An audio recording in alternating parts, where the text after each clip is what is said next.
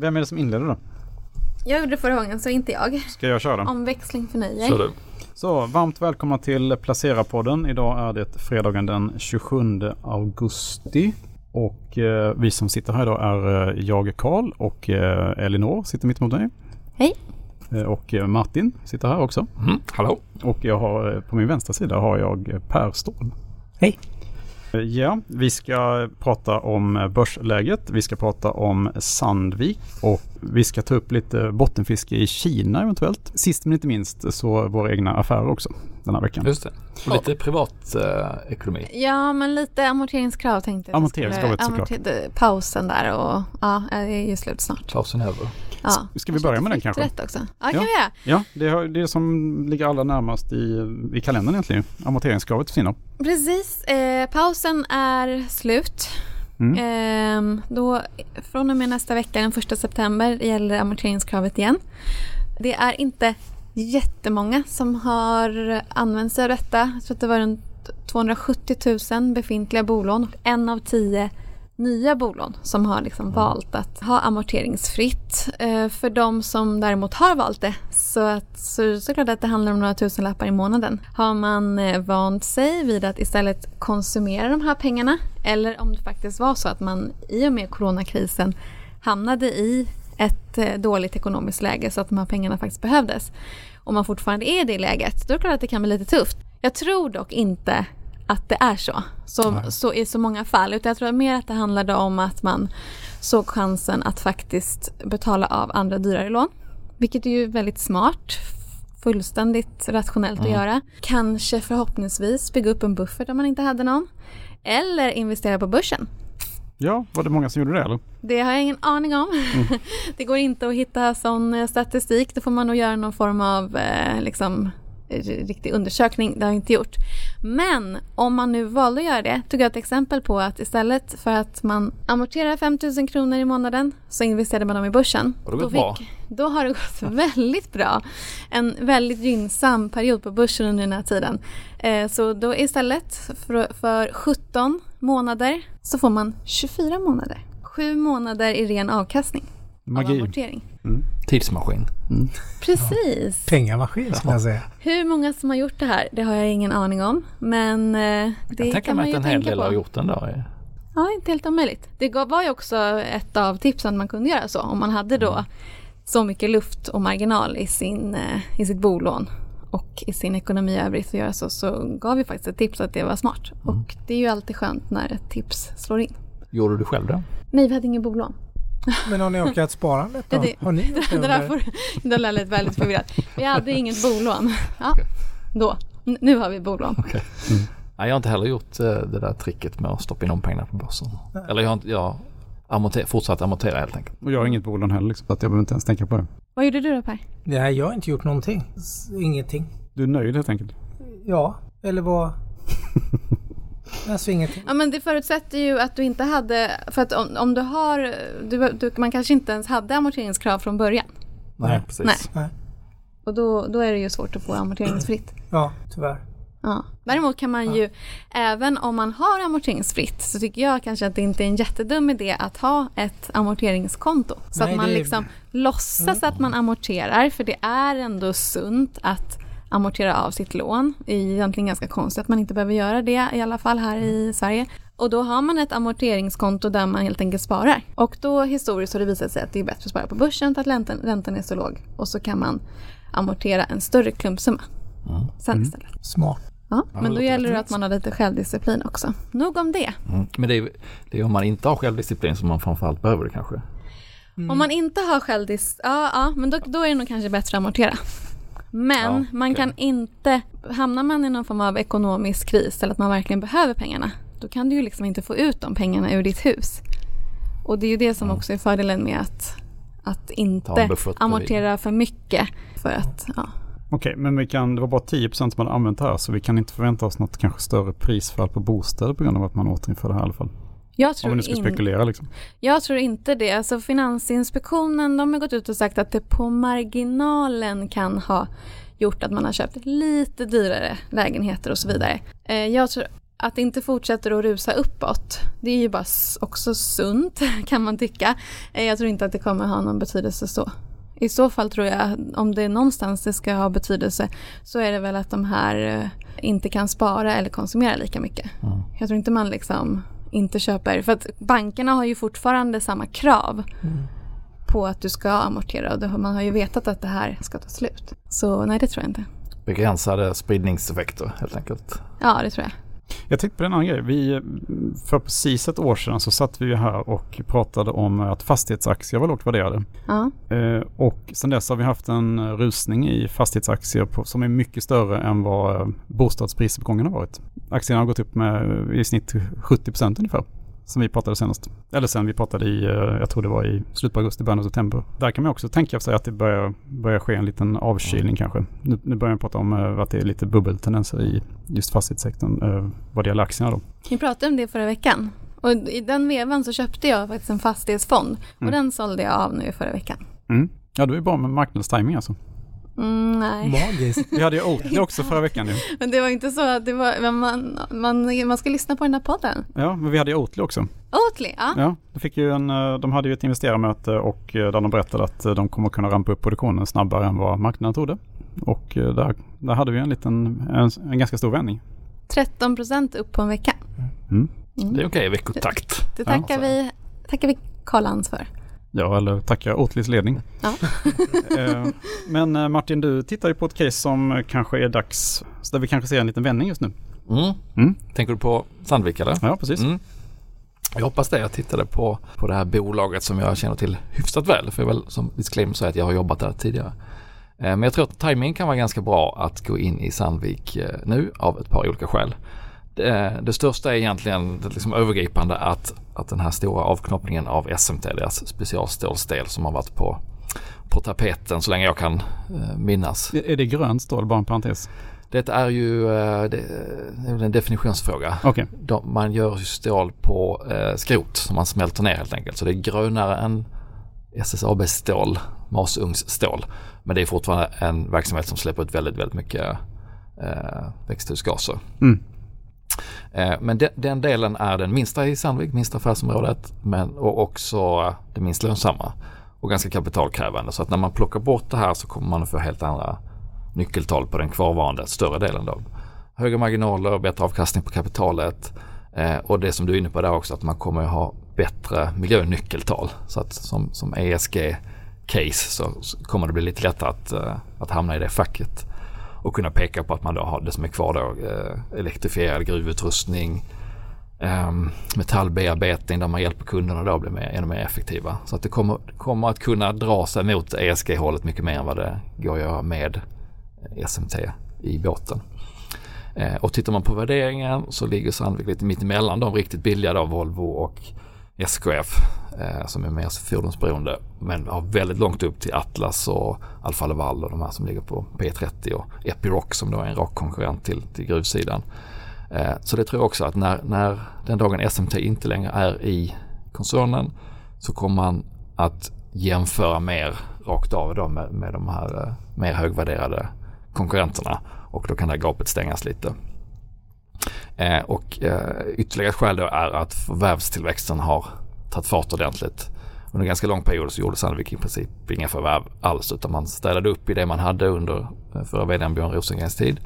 Eh, började förvärva lite grann och sen som med Stefan Widing som är vd nu som kom från Assa Abloy och deras teknikområde, eh, digitalområde så, så har man eh, verkligen fått fart på förvärvstillväxten och speciellt inom digitala, eh, digitala verksamheter som kan lite grann ändra affärsmodellen inom metal cutting-delen då där man har så här CAD-CAM-program, eh, alltså mer mjukvara än, än det man normalt håller på med då, att sälja verktyg för svarvning, fräsning och, och annat.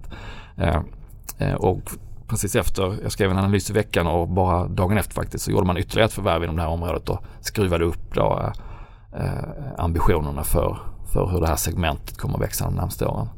Så det finns många spännande saker som är på rätt väg tycker jag och en stor katalysator då att SMT är på väg ut och eh, som, som man vet så är ju stora avknoppningar något som investmentbankerna gillar att vara, vara med och nosa på så jag, jag skulle tro att det kommer att komma en hel del analyser inför det här som kan hända efter stämman till våren då. Som kommer att, att räkna på styck, styckningskalkyler och kommer att pe- peka på att värderingen är mycket lägre då om man plockar bort SMT. Eh, vilket kommer som att föda intresset för aktien. Så att eh, har man en, en horisont bortom stämman till våren så tror jag att det kommer bli en bra investering nu. Äger du själv Sandvik? Eh, det gör jag inte. Men jag är inte främmande för att hoppa in lite senare. Mm. Ja, men intressant. Det, det låter ju som, det brukar vara så att avknoppningar är väldigt bra. Om man i princip alla avknoppningar. Ja, och sen beror det sen så vilket värde det blir på avknoppad SMT då. Det beror lite på oljepris och de, de har ganska mycket eh, eh, produkter som går till olje och gasmarknaden. Så att det blir en liten faktor vilken, vilket värde det blir på den delen man får utdelat då. Men det som såg väldigt mörkt ut för bara ett år sedan ser ju nu faktiskt ganska bra ut med höga oljepris och, och lite mer tryck på energimarknaden. Mm. Dieselpriset på rekordnivå. Ja, till exempel. Mm. Ehm, och som alltid i ett bolag som har cyklisk exponering som Sandvik har så skulle konjunkturen krascha så är det klart att då, då kommer det väga lätt att man har en avknoppning på gång. Men, men så är det ju alltid i cykliska bolag så det får man ju ha i bakhuvudet. Och fordonsmarknaden och komponentbrist och etc. etc. Men, men om man lyfter blicken lite och har den här horisonten tror jag bortom vad blir det, 8-9 månader bortom stämman nästa år till våren så, så tror jag det kan bli en bra resa. Ja, vad kul. Det var sammanfattningen på det caset. Mm. Eh, per, du har ju kikat på eh, eh, SAS-bolagen. Ja, just det. De har ju, det mesta av har väl kommit in väldigt starkt. Men vi hade en liten svag rapport från eh, Autodesk va? Ja, det var ju två rapporterande bolag. Jag skrev ju om sex SAS-bolag. Eller hela SAS-marknaden växer ju så det Ska vi, knakar. ska vi förklara vad SAS är? Det kanske inte är helt givet. Ja, men varsågod. Software as a service. Ja, precis. ja, men man har flyttat upp, eh, ni, vi som är lite äldre vet ju när man hade programvara, mjukvara, när man laddade... Commodore, dis- Commodore 64. ja men du vet, disketter laddade man och sen skulle man... Floppy disk. floppy disk och sen var det CD-ROM. Sen fick man nya när man skulle uppgradera programmet. Så funkar det inte längre. Nej. Utan idag ligger det, är det molntjänst, går över internet. Man kan eh, ladda ner det direkt och det sköts av mjukvaruprogram, företaget som gör de här mjukvarorna. Och sen kan de ge, sälja massor med mertjänster och sen är det oftast på månadsbasis. Numera så man har ett bra kassaflöde in till företaget. Man prenumererar på det alltså. Man prenumererar en prenumerationstjänst och man kan lä- lägga till massor med mertjänster och eh, genom AI nu då så har man kunnat erbjuda mycket smartare eh, eh, tilläggstjänster och dylikt så man kan göra analyser av kundunderlag och dylikt. Ja. Och marginalen på varje ny försäljning måste ju vara fantastisk. Ja, den det är är- en investerar baby på det sättet. Bolag som är duktiga Ja men det är ju hela mjukvarusegmentet. Man pratar med förvaltare som har varit där länge och är där så att det är ju fantastisk Mm. skalbar affärsmodell att du- tjänar i princip varje ny kund du får sen det blir på nedersta raden. Mer eller mindre. Jag Lite tänkte, jag tänkte precis på det, jag bara lite exempel. Jag, hade, jag skulle förnya vår Bloomberg-prenumeration här precis. Och då har de, de har liksom dubblat priset till 4 000, ungefär 4 000 kronor per år. Men så tänkte jag att det där är lite mycket liksom. Så jag gick in och, och valde att ta bort prenumerationen. Och då kom det så här, inom en sekund kom det upp så här, vi vill inte förlora dig som kund, du får det för 200 dollar istället eh, kommande året. Och så vill du ha det här. Ja, visst. Att de ändå ska behålla kunderna och Mm. eh, lyckas ofta med det också gissar. Ja men jag tror det. Och det är ju ren vinst på marginal Ja, exakt. kunden.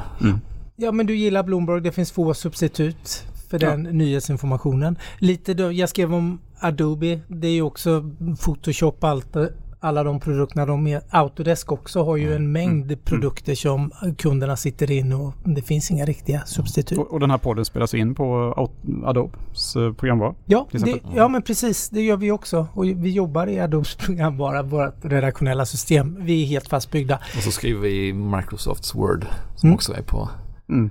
Software as a service Ja, numera. ja men precis, ja, men det är det. Exakt. Även om man inte gillar det kan man inte Du Man kan kan inte välja bort Nej, du kan, och det blir fler och fler produkter också nu. Det är iPads, det är mycket mer mobiltelefoner idag. Så du har mycket mer källor där du behöver ha mjukvaran på. Det var kort om det. Marknaden spås och det är svårt att uppskatta hur stor marknaden är. Jag har sett siffror på, för i fjol omsatte det 125 miljarder dollar till 140 eller 150. Men den ska ligga norr om 300 tror man 2026 så det är mycket tillväxt. Det var därför jag skrev artikeln. Men det var två bolag som rapporterade i veckan. Det var det som var poängen, eller? Det var Salesforce Mm. som vi gillar Absolut. och har gillat. Och eh, de kom in med en jättebra rapport, bättre än marknaden och de guidar upp och aktien Den har varit lite seg aktien. den har varit seg innan, man har gjort mycket förvärv. Senast Slack förvärvet. Mm.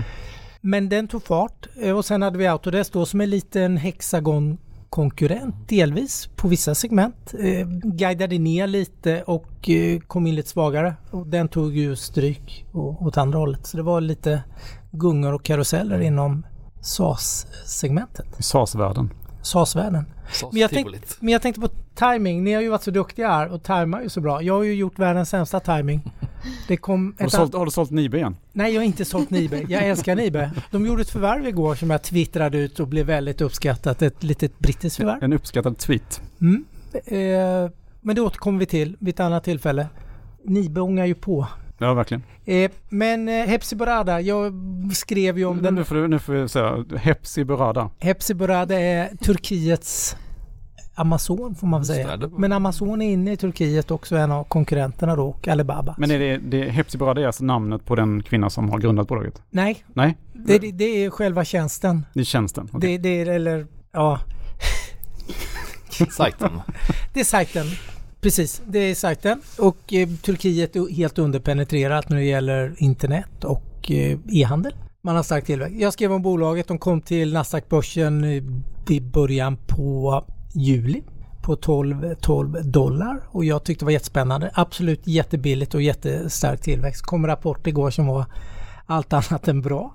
Mm. Första tillväxt. Jag förstår inte hur man kan gå till börsen och den första rapporten man levererar är liksom skit. Mm. Nej, det var inte skit. Men det, den mottogs som det var riktigt skräp. Hur mycket föll aktien då? Eh, 25% ner. Tyvärr. Jag, Äger du den eller? jag jäger, jag har köpt mer. För jag, Hur stavar man Hepsi Burada liksom?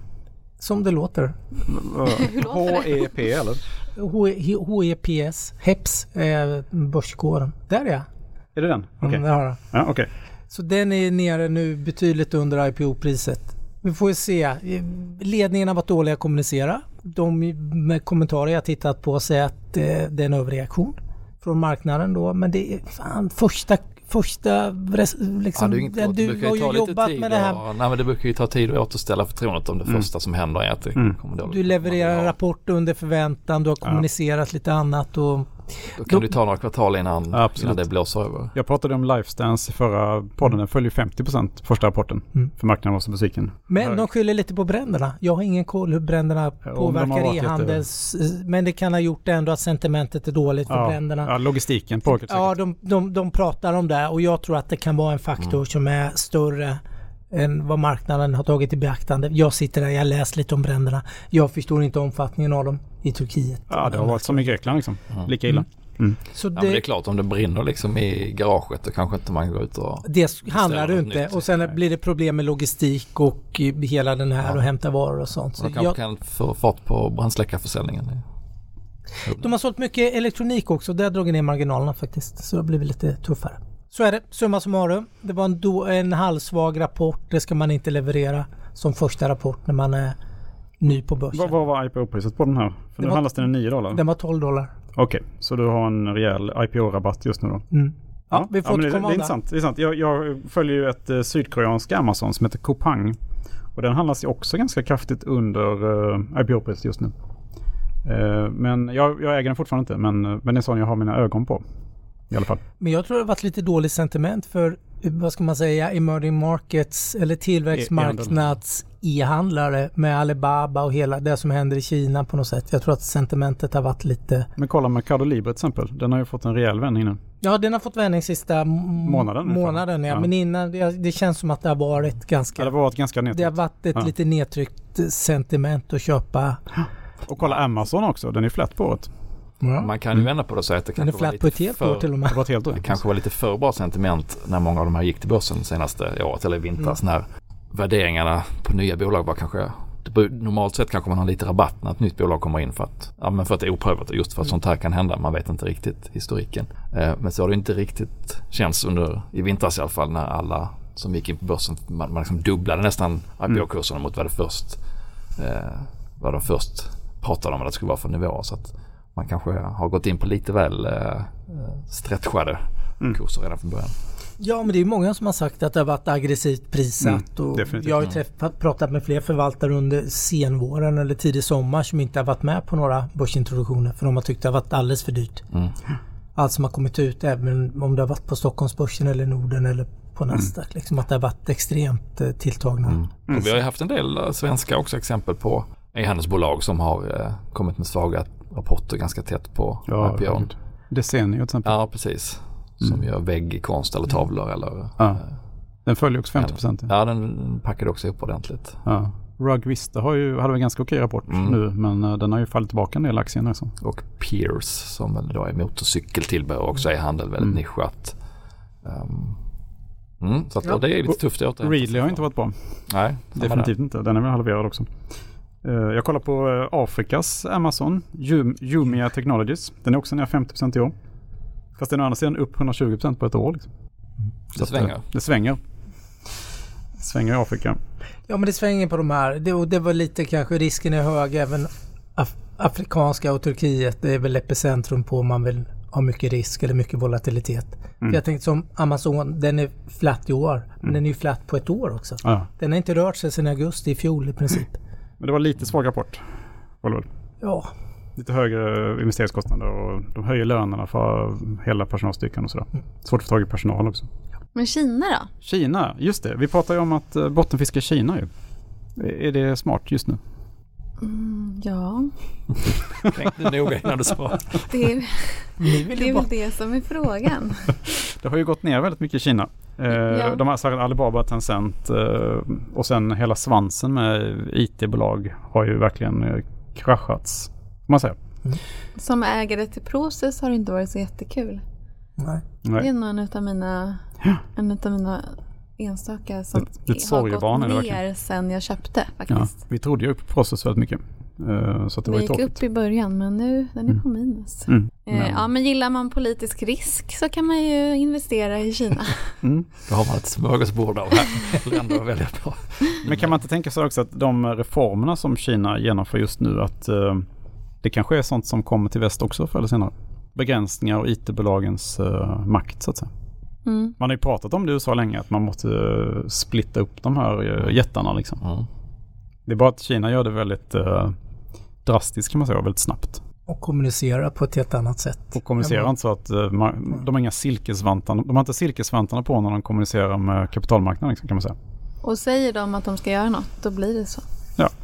Och det är väl en liten mix. Dels gör de saker som vi har gjort lite i Europa och sen gör man man tar det lite längre som, som ni säger. Så det är möjligt att det blir jättebra. Det blir, det blir bra om det blir tydligt regelverk. Det vill man ju ha. För jag träffar förvaltare som inte har varit investerade i Kina som har globalfonder för att de tycker att regelverken kring de här internetbolagen har varit alldeles för vaga. Och, eh, det, det har inte varit några bra regelverk överhuvudtaget då. Vilket eh, har skapat, tycker de, osäkerhet och ger mycket risk i portföljen. Och de har ju fått rätt, den typen av investeringar. Nu har de ju missat mycket avkastning också då, men i alla fall senaste halvåret. Men jag såg en liten not ifrån Goldman Sachs. De, hade, de tittar på flöden. De eh, sa att long only-fonder inom globalsegmentet hade nu en väldigt låg exponering mot kinesiska internetbolag. Och eh, hedgefonderna hade den lägsta nettoexponeringen någonsin nu. Oj, oj. Så de såg det lite som att det, det finns torrt krut, säger de. Ifall, och nu ska de här, re- de första reglerna, regelverken ska ju sättas nu i början på september. Så att de såg väl det kanske som att det här, vi närmar oss kanske botten. Startpunkten. Ja, det kan bli en startpunkt för en, För en uppgång igen. för en uppgång igen då. För att det finns, eh, många vill nog ha lite mer exponering. Alltså de är ju väldigt lågt värderade, Tencent och Alibaba till exempel. Som då ofta är kärnan i de här eh, Kina-fonderna. Liksom. Så att, Ja, eh, och i många globalfonder hittar du den Mm. också. Mm. Och Asienfonder och techfonder. De, Mm. de är ju med väldigt många mm. fonder. Så de har fått ganska låg exponering nu de senaste åren. Något man ska tänka på det är att om man redan sitter med ganska mycket tillväxtmarknad så har man ju väldigt mycket Kina. Ja. kanske man inte tänker på. Nej. Men eh, så, Ja, så att man inte liksom får en fördelning som man inte hade tänkt sig eh, i sin portfölj. Månadssparade då i den typen av fonder så fortsätter du på något sätt bottenfiska med lite mindre skala. Så att eh, det, precis som du säger då kanske man inte ska också ladda på det andra om man, om man inte aktivt Nej, man ska vill ta väl- ännu större risk. Ja men precis, man ska väl i alla fall vara medveten om att, att det är väldigt mycket Kina i tillväxtfonder. Ja men det har du jätterätt i. Och jag tänker på en annan sak. För det, ja, men det, och det går ju faktiskt att få en Kina-exponering även genom att bara handla på Stockholm eller på Europa. Jag tänker LVMH nu då som ni har handlat här som jag är ägt och inte köpt med den här gången har ju ungefär en tredjedel av omsättningen kommer från Kina. Så jag kan tycka att jag egentligen behöver inte jag någon Asienfond eller Kina-fond för jag äger LVMH så jag får väldigt mycket Kina-exponering vi- vilket nu har slagit på kursen då när den eh, har gått ner någonstans mellan 10 och 15 procent sen, sen toppen då bara på, för några veckor sedan. Då. Så det finns ju andra sätt att få Mm. Asien och Kina-exponering än en tillväxtmarknadsfond som du säger och en tillväxtmarknadsfond. Eller en Kina-fond. Eller en, Eller en Kina Kina-fond, ETF. ja. Alltså man kan ju nästan säga sådär att om du köper svensk verkstad liksom, så får du ju exponering mot Kina Mm. också. Liksom. Ja och sen tar du lite rent konsumtionsmässigt då genom LVMH. Då har du, Mm. då har du väldigt mycket Mm. Kina och Asien-exponering helt plötsligt. Ja, kanske mycket mer än vad man tror. Men om du köper då direkt i Kina så får du nog lägre värderingar. Liksom. Kan man väl säga. Mm. Om man ska sammanfatta det lite. Själv då? Är du, ligger du och fiskar i Kina? Ja, alltså jag har fiskat lite grann med eh, de här stora breda eh, Stilla havsfonderna och sånt där har jag, har fiskat i min tjänstepension då. Så att jag såg faktiskt att min största innehav är ju eh, i tjänstepensionsfondportföljen så är största innehaven då Tencent och Alibaba faktiskt. Mm. Och Taiwan Semiconductor också. Fast den har väl börjat röra sig uppåt nu igen då. De höjde ju priserna. De höjde priserna De flaggar ju för prishöjningar. rejäla Mm. prishöjningar precis. Mellan De kommer- 10 och 20 procent. Ja, 20 procent för lite mer mindre avancerad eh, halvledare och dylikt. Mm. Sånt som hamnar i elektronik framförallt vad jag förstår. Vilket gör att man tror att elektronikpriserna kommer att. Ticka upp lite. Ticka upp. Kanske definitivt. Ja. Under nästa år. Vi får ju se vad, hur Apple svarar med det då. Mm. Mm. Och så. Ja, de är inte kända för att sänka priserna direkt, Apple. Så att det kan vi nog lista ut vilken riktning det är på vägen. Exakt. Är det några mer rapporter tänker jag på? Eller är rapportsäsongen stängd nu? Ja, det är ju lite eftersläntar här som är liksom de sista dagarna innan, innan uh, fönstret stänger. Men det är ju mest små och mellanstora, alltså inga som, som ruskar om hela börsen tror jag. Utan det som nästa, nästa station är väl det här stora Jackson Hole-mötet som är i eftermiddag kväll svensk tid där centralbankerna med Fed i spetsen möjligtvis kan, kan hinta om hur de kommer att, eh, att göra med sina stimulanser. Så det skulle kunna ändra spelplanen lite för börsen men Men man tror att mer besked i, mm, om en månad, eller? så är den bilden jag har fått också att de flesta tror att det kanske inte, att det här blir lite av ett icke-event och sen så kommer beskeden successivt under hösten. Men vem vet, de har ju allas ögon på sig så vill, vill man redan nu kratta i manegen så kanske de börjar göra det. Vi får se om de bara krattar helt enkelt. Eh, ja, vad har ni gjort i veckan då? Per, vad har du gjort? Jag har köpt mer Hepsi Burada. Du har, du har bottenfiskat i Hepsi alltså? Ja, det har jag gjort. 25 procent billigare. Turkiska Amazon. Mm. Mm, det är modigt ju. Jag har Eller bottenfisk. också är det Jag har köpt alls mer Upseller också. Har du det? Det har jag Ja, också faktiskt. Det har jag varit nere och köpt och den har ju gått ganska bra. Den ser ut som i alla fall har slutat Ja, bottnat. störtdyka. Mm. Första steget mot att vända upp. Den sålde jag faktiskt i somras. Jag tröttnade på den ständiga nedgången liksom. Ja, den är jobbig att ha i portföljen för den ger mycket volatilitet i portföljen om man vill ha sådär vackra nyckeltal. Berätta, vad är det för något? Kanadensiskt eh, big data eh, biotech kan man säga. Det är en crossover. Ja, det, de har någon superlistigt sätt att scanna data för att eh, hjälpa läkemedelsbolag att hitta eh, nya läkemedel helt enkelt. Och bland annat covid har de varit inblandat i och har en del andra också. Man har stark tillväxt. Man är etabler, hyggligt etablerad nu känns det som. Ja, de, kommer, de har varit väldigt eh, populära men mycket av vinsten ligger i framtiden såklart. Eh, och sen så har det gått rätt så tufft och det har varit lite insiderförsäljningar tror jag i början på sommaren. Rapporten visade att de hade en hel del eh, nya kontrakt och eh, grejer i pipeline som är spännande. Så att eh, det ser fortsatt jättespännande ut men det är ju också superhög risk och den hoppar upp liksom. Ja, den 7, hoppar. dag, 7% en dag och sen är den ner lika mycket nästa dag. Och de har ju gått superdåligt. Ja, den har Men- gått superdåligt. Men sista en, Men ni har fortsatt tro? Jag, ja, jag Ja, gör det. Jag gillar Peter Thiel är ju inne där. Paypal-grundaren Mm. eh, sitter med i styrelsen och eh, har köpt in sig ganska mycket i bolaget. Han har inte varit med och grundat det på något sätt. För han är ju även med i Palantir Exakt. som ungefär är lika volatil. Och, Mm. Mm. Och sen det är ju inget biotechbolag på det sättet att det är digitalt. Att antingen lyckas de med det här eller inte. Så det blir liksom noll eller tusen utan Mm. de, de säljer ju sina tjänster då till läkemedelsbolagen som ett, ett nytt sätt att hitta nya kandidater. Så att, eh, potentiellt skulle de kunna få in väldigt många kunder och väldigt eh, stora volymer. Så att det finns en superspännande uppsida men eh, som vi är Per och jag är medvetna om en stor nedsida också. Men man ska nog vara jättelångsiktig tror jag. Ja, jag tror också det. Den här kan man äga väldigt länge tror jag. Mm, men äg, Intressant. äg inte så mycket i den och eh, Mm. var försiktig med den ska jag säga. Mm. Och blunda för de här upp och nedgångarna på något sätt. Jag låter Ja. den bara, jag tittar inte så mycket. Men jag säger som det, det är upp mellan 5 och 7 procent. Sen kan det vara ner 11 liksom Ja. dagen efter. Du, en aktie som har rapporterat som jag eh, äger, det är ju IT-säkerhetsbolaget Palo Alto. Som faktiskt steg 20% på sin rapport. Det är ju, har ju verkligen fortsatt framtiden framför sig. Nu ska ju eh, de stora IT-bolagen ska ju satsa enorma pengar på IT-säkerhet här. De var ju lovade Biden här i Vita huset att Mm. eh, det är där fokus kommer att ligga nu liksom närmsta åren. Så att IT-säkerhetsbranschen är fortsatt superhet skulle jag säga. Eller, eller det, vill säga, den, den har inte varit superhet men den kommer att bli superhet. Mm. Men då kan jag göra tillägg innan du kommer in bara. Crowdstrike Ja. som är cybersäkerhet kom ju med i Nasdaq 100-index Mm. i veckan nu. Steg ganska mycket på det men har även gått väldigt bra nu med de här eh, Vita huset nu trycker på att eh, man ska öka Mm. eh, Investeringarna. cybersäkerhet. Så jag, jag tror att det kan bli en jättehet sektor. Yes. Det är en het sektor. och det är redan mycket Det kan nog bli Mm. glödhet under hösten, Ja, jag tror tror jag. Men en liten mini-enkät då. Hur känner ni Sverige jämfört med utländskt? För nu pratar vi mycket utländskt här. Är det bara jag som känner att det känns lite skönare att köpa någonting som inte är svenskt? Ja. Nej, alltså jag känner precis så. Jag har känt det i ett år liksom.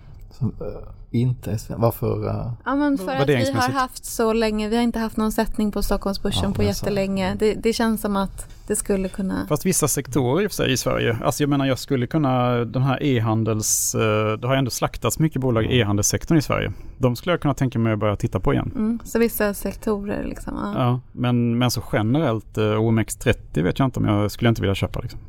Förutom Sandvik. Förutom Eller- Sandvik då kanske. Sandvik kanske är säkert Ja. intressant ja. Det, Men eh, ja, nej men eftersom att ja, men den svenska börsen har ju verkligen gått väldigt mycket bättre. Ja. Men du känner inte så Per, du ser ut som ett Nej. frågetecken. Nej, jag är inte alls ett frågetecken utan jag, jag äger ju ganska mycket svenskt och allt svenskt jag äger är otroligt högt värderat. Det är nästan det mest högt, högt värderade jag har. Jag har SUS, det är P1, jag har ingen aning. Men det, det är en sak det, att äga och en sak att köpa. nej men jag äger ju fortfarande, jag Mm. köper inte mer. Jag har Latour, Nej. jag har Lifco, Nibe, ja men ni hör allt är P, allt är, allt är galet Mm. högt värderat egentligen. Men jag säljer inte heller. Det har jag gjort förr och det har varit då vet så vi vad som dåligt. händer då liksom. Det har varit dåligt. Mm. Eh, ja, det är skillnad på äga och köpa. Jag äger, Mm. men jag köper inget av det. Nej. Jag har ganska svenskt tungt i min portfölj men det är ju mest för att jag känner till de bolagen bättre och man följer dem mer på en, lättare på en daglig basis och kanske har följt vissa bolag länge. Man vet vem som är vd och vem som var den vdn var tidigare och vem som är ägare. Så det är mer kunskapsnivån som är högre eller mindre låg när det gäller de svenska bolagen. Men eh, jag skulle kunna tänka mig vikta över lite mer, lite mer balans med mer utländska. Men precis som du är inne på med Kina-exponeringen har man svenska bolag så får man ju också en ganska bred global exponering eftersom många är duktiga exportörer och eh, tar sig ut i världen. Men jag har faktiskt gjort ett nyförvärv i veckan också. Jag, Berätta. jag har ökat i Upcellera och så har jag ökat lite i Volvo och Kopparbergs också faktiskt som jag hade sedan tidigare. Är det Storbritanniens brittisk exponering där va? Om man. Kopparbergs är ju väldigt stora i Storbritannien. kom en Mm. rätt dålig rapport faktiskt. Mm. Eh, Ni men- för att puben har varit stängda? De hade, ja, de hade ett tufft jämförelsekvartal för att förra Q2 då så hamstrade alla britter deras sidor när det var stängt och nu, nu hade de inte riktigt samma, samma flow då men jag tror att det är en större pundeffekt kanske än vad man, vad Mm. man tror. De är, Mm. inte, de är inte speciellt uh, duktiga på att särredovisa var, eh, hur resultatet flödar in men, men uh, andra halvåret ska bli bättre och jag tror att pundet kommer hjälpa dem för det har hämtat sig och kommer med lite eftersläpning. Och Q2 det var ju då fram till slutet på juni och i början på sommaren var det kanske inte så mycket resor heller. Nu borde de ha haft lite mer av de här turistorterna där, där de säljer mycket också. Så att, så att där har jag ökat lite grann och eh, i Volvo har jag ökat lite också med på att den har kommit ner och är ganska lågt värderad och pressad av komponentbrist och Kina och allting som förhoppningsvis fejdar ut. Men eh, mitt eh, nyförvärv är Ratos. Mhm. Men den har du ju hittat Men för det länge, pratade länge om sedan för nu. länge sedan. Den är ju upp Ja, men 150 precis. procent sedan dess. Vi Hur tänker du här? Vi har, ja, men vi har med den i, vi har med den i våra köpade aktier-lista senaste. Mm. Mm. Du lever som du lär med andra Jag lever som jag lär med lite Mm. eftersläpning. Ja, men de kom också med en rapport som var lite av en besvikelse och då ett, framförallt i ett av innehaven, Diab då, som var mycket, mycket sämre kanske än vad de flesta hade förväntat sig. Så aktien backar tillbaka och eh, jag tror på det långsiktiga caset här att de har ställt om och börjar bli lite, lite mer offensiva med förvärv och att de kommer att kunna eh, hålla på med det en ganska lång period framöver. Och att eh, vdn Jonas Wilde lyckas med den här resan. Han fick ju själv ta över som vd efter att ha varit ordförande tidigare då och gjort misslyckade vd-rekryteringar. Så där tror jag finns en stor revanschlusta och ja, vi har pratat om caset innan. Jag, helt enkelt att jag gick in var för att den backade på en rapport där eh, jag tror att det är ganska tillfälligt problemen i det här Diab. Mm. Så det är en upprepad köp på Ratos? Ja det kan man Jag säga. behöver inte skriva ens nu. Men det, för nu vet vi. Men Ja. för jag tänkte, för den gick upp väldigt mycket. Du Mm. hade extremt bra timing där i januari, februari. Mm. När du skrev din Ratos analys. Precis och det var ju då i våras de också målade upp lite hur de tänkte sig framtiden och att bli ett mer förvärvande bolag igen efter att ha städat i portföljen. Den är upp 46 procent i år Ratos. Och du tog ju den precis där när den eh, började sin resa. Och nu tar jag den igen Ta den igen förhoppningsvis. förhoppningsvis. Eller har du gjort Elinor? Eh, nej, men eh, inte så mycket som jag kanske borde. Jag, ehm, Du är nöjd med en Oatly-investering? ja, precis. Nej, men eh, jag köpte faktiskt en sån eh, Kina-ETF då. Japp. Mm. Så bottenfiske i Kina? Ja. Ja, det låter rimligt tycker jag. Mm. Det låter som det är, om man vill botten, gillar bottenfiska så är det väl inte dumt att testa lite innan. Ja. Sticka ner fötterna lite i Kina eh, gyttjan, Dyn. dyn.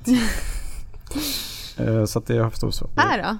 Ja, Per har ju redan, så Ja, har redan kört ju. Ja just det. det Han har kört sina turkiska Ja, Amazon. det. Den, Mm. Och Appsell. Jag vågar knappt säga, Olycks- Olycksbroder i Appseller. jag vågar knappt säga vad jag har köpt liksom den här veckan men uh, får vi göra det ändå till slut. Jag har köpt Northrop Grumman. Det är en eh, kärnvapenproducent. Eh, Bland annat väl, de gör väl mycket. Ja, men jag har mycket vapen överhuvudtaget. Många andra bomber. Kina och kärnvapen. Ja. Nej men de har fått ett eh, gigantiskt uppdrag från amerikanska staten att förnya USAs kärnvapen.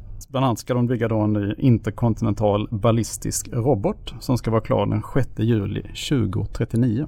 Så att det är många år framöver som de har Mhm. böckerna helt fulla. Så att eh, den där kommer nog eh, rent investeringsmässigt bli bra i alla fall. 2039. Ja, Tar man en projektledare som är 29 år nu då, typ, som ska vara kvar. Jag skulle ju inte kunna vara projektledare för ett sånt projekt. Då är ju Nej. pension mitt i. ja eller också kan man byta. Snacka om långsiktighet. Ja exakt. Nej men det tar ju tid att ta fram eh, de här typen av eh, produkter liksom. Nej men så att, eh, och det är ganska lågt värderat. Då ju. Och det är ju säkert många som inte får lov att investera i det också. Gissar jag. Men jag, jag Men tycker... tror du inte att det är ännu färre som får lov att investera i det framöver? Ja, men jag tänker lite så här att det är ändå så att eh, USAs kärnvapen är lite garanten för att vi kan leva i en fri värld så att säga. I den här delen av världen i alla fall. Vi skyddas ju av amerikanska kärnvapenparaplyet. Och det kan ju hända att man, man ändrar bilden på det faktiskt. När man ändå ser hotet i andra delar av världen. Eh, så att det är inte säkert att eh, kärnvapen är så. Kärnvapen är fruktansvärda. Vi får hoppas att de aldrig kommer användas igen. De har ju använts. Jag började försöka till Hiroshima och det är det värsta jag har gjort nästan. Men som avskräckning och försäkring mot att eh, och att vi kan fort- fortsätta leva i frihet så tror jag att det är väldigt bra och viktigt. Och de flödena. Så länge det finns tror kärnvapen. investerarna får ha sådana regler sen i framtiden att de får köpa? Nej men det kan hända att det, om, att det omvärderas då. Jag vet Mm. inte. Men Det de, är se. redan, de är väl redan ute, de som inte får. Ja de är nog länge, ut sedan länge liksom. Det är, Mm. Den stora förändringen har nog redan skett. Den har skett sedan länge tror jag också. Mm. Men eh, det får ju vara en känna med sitt samvete. Jag har kommit fram till att det är tvärtom lite, lite intressant att äga liksom. Och jag har det i min tjänstepension också. Eh, har jag lagt in lite grann. Sen har jag köpt lite i eh, eh, en broker, en tysk broker som heter Flatex Digiro. Som växer jättestarkt på tyska marknaden framförallt. De fick en halv miljon nya kunder under första halvåret i år och har nu en och- 1,5 miljoner kunder och tror de ska växa till runt 6 miljoner kunder på fem år. Så att det kan vara enorm tillväxt där. Tyskt Avanza. Ja, kan man säga. Mm. Så att det är mina affärer. Och sen funderar jag lite på eh, ETF Kina också faktiskt. Men det har jag inte gjort ännu. Mm. Mm. Ska vi tacka för kaffet? Ja, det tycker jag. Då gör vi det. Sätter Ja. vi oss och väntar in Jackson Hole. Ja. Och din mail känner jag, den kan bli glödhet. med North. En atombomb. Ja, North- se- Northrop, se det blir Northrop Grumman i portföljen, ja precis. Ja, det blir spännande. Den ska Ja. jag följa faktiskt. Okej, Mm. trevlig helg. Trevlig helg. Trevlig helg.